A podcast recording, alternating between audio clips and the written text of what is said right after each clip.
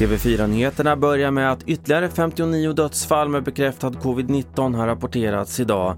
Det innebär att 12 487 personer har avlidit med sjukdomen i Sverige. Samtidigt kom idag rapporter om att 96 procent av de smittade i en svensk undersökning hade kvar sina antikroppar efter nio månader. Handelns omsättning har återhämtat sig till samma nivåer som i november, det visar en mätning gjord av Konjunkturinstitutet. Men däremot har läget förvärrats för den hårt drabbade hotell och restaurangbranschen där omsättningen tappat med hela 63 procent mot normalt. Sport nu. Hanna Öberg tog revansch efter en tung helg och knep silvret på distansloppet över 15 kilometer vid skidskytte-VM i Slovenien.